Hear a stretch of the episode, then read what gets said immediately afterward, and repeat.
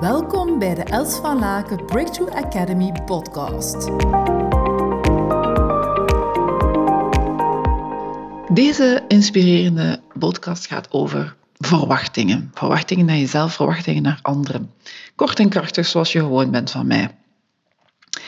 Um, ik heb de, uh, de, ja, het eer, de luxe om fantastische mensen te mogen begeleiden op uh, meer liefde naar zichzelf, meer flow, meer doorstroming uh, naar uh, zichzelf toe, naar in relatie met anderen, in hun business en zo verder.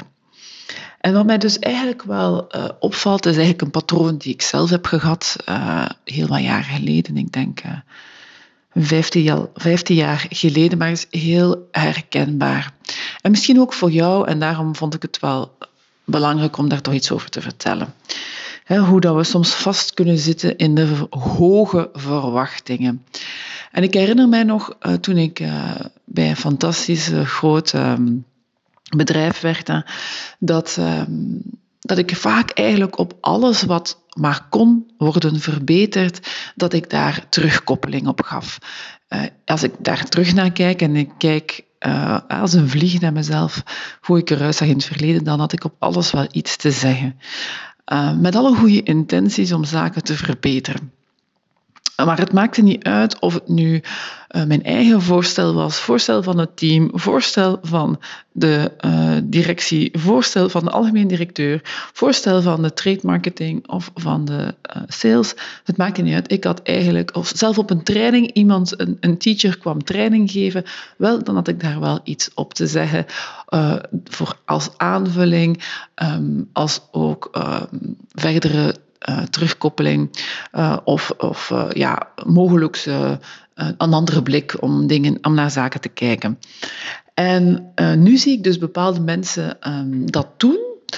En ik denk, wauw, als ik bij mezelf aanvoel hoe vermoeiend het al voor mij voelt, dan denk ik, wauw, het moet ook vermoeiend zijn voor die persoon zelf en uh, voor de omgeving. En dan kan ik teruggaan naar hoe vermoeiend het eigenlijk ook voor mij was um, om eigenlijk steeds uh, zaken terug te koppelen op andere mensen, op, op projecten van andere mensen, waar je eigenlijk niet altijd zo heel veel impact op hebt. En als je dat eigenlijk met de intentie doet dat dat ook gaat veranderen, kan je nog natuurlijk wel uh, teleurgesteld zijn, want niet iedereen gaat aan de slag gaan met de terugkoppeling of met jouw mening of met jouw reflectie over een bepaalde zaak.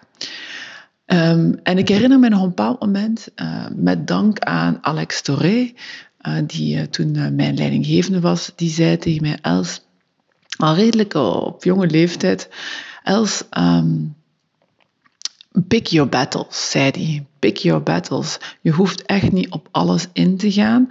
Um, en dat zorgt ook dat er een bepaalde spanning is met mensen, omdat je eigenlijk op alles eigenlijk terugkoppeling geeft. En ik vond dat toen, ik weet nog dat ik daar waarschijnlijk heb staan, um, uh, dat, ik dan tegen, dat ik zeker tegen Alex in ben gegaan, dat ben ik bijna zeker. Want dat is eigenlijk wat ik standaard deed. Als iemand iets terugkoppelt naar mij, ging er dan ook tegen in.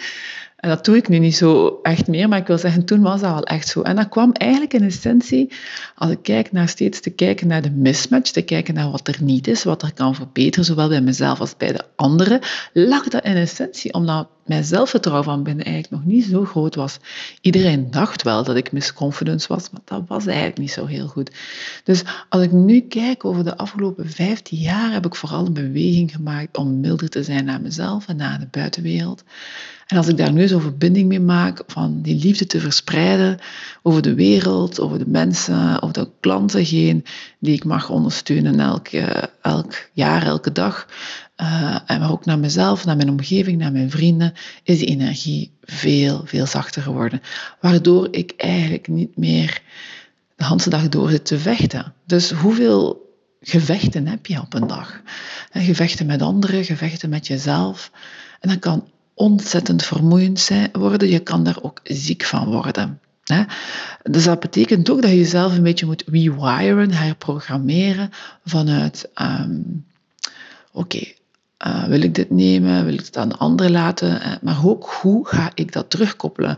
Want er is een heel groot verschil tussen kritisch zijn en een feed-forward geven. In jouw energie, in je taalgebruik.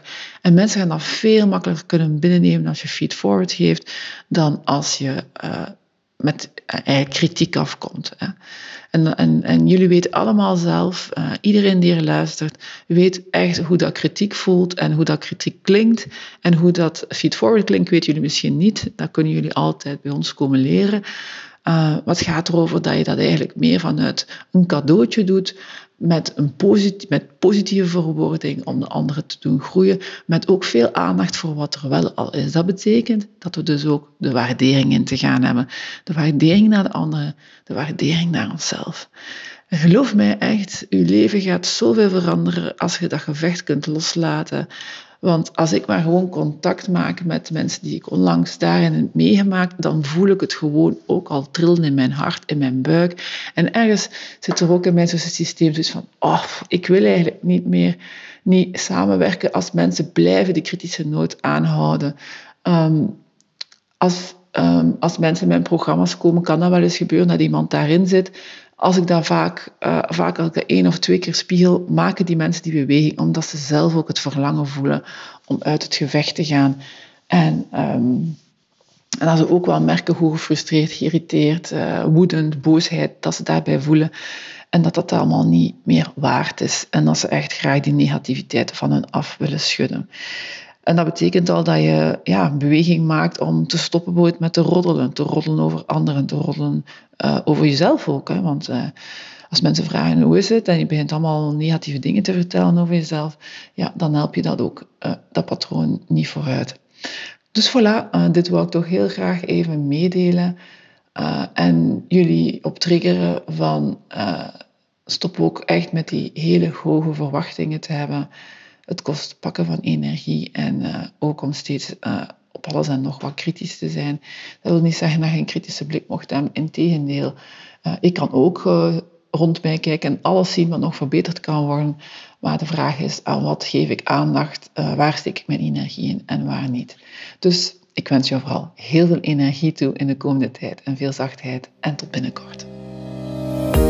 Ontzettend dankbaar voor je aanwezigheid. Verspreid samen met mij deze positieve energie en tips.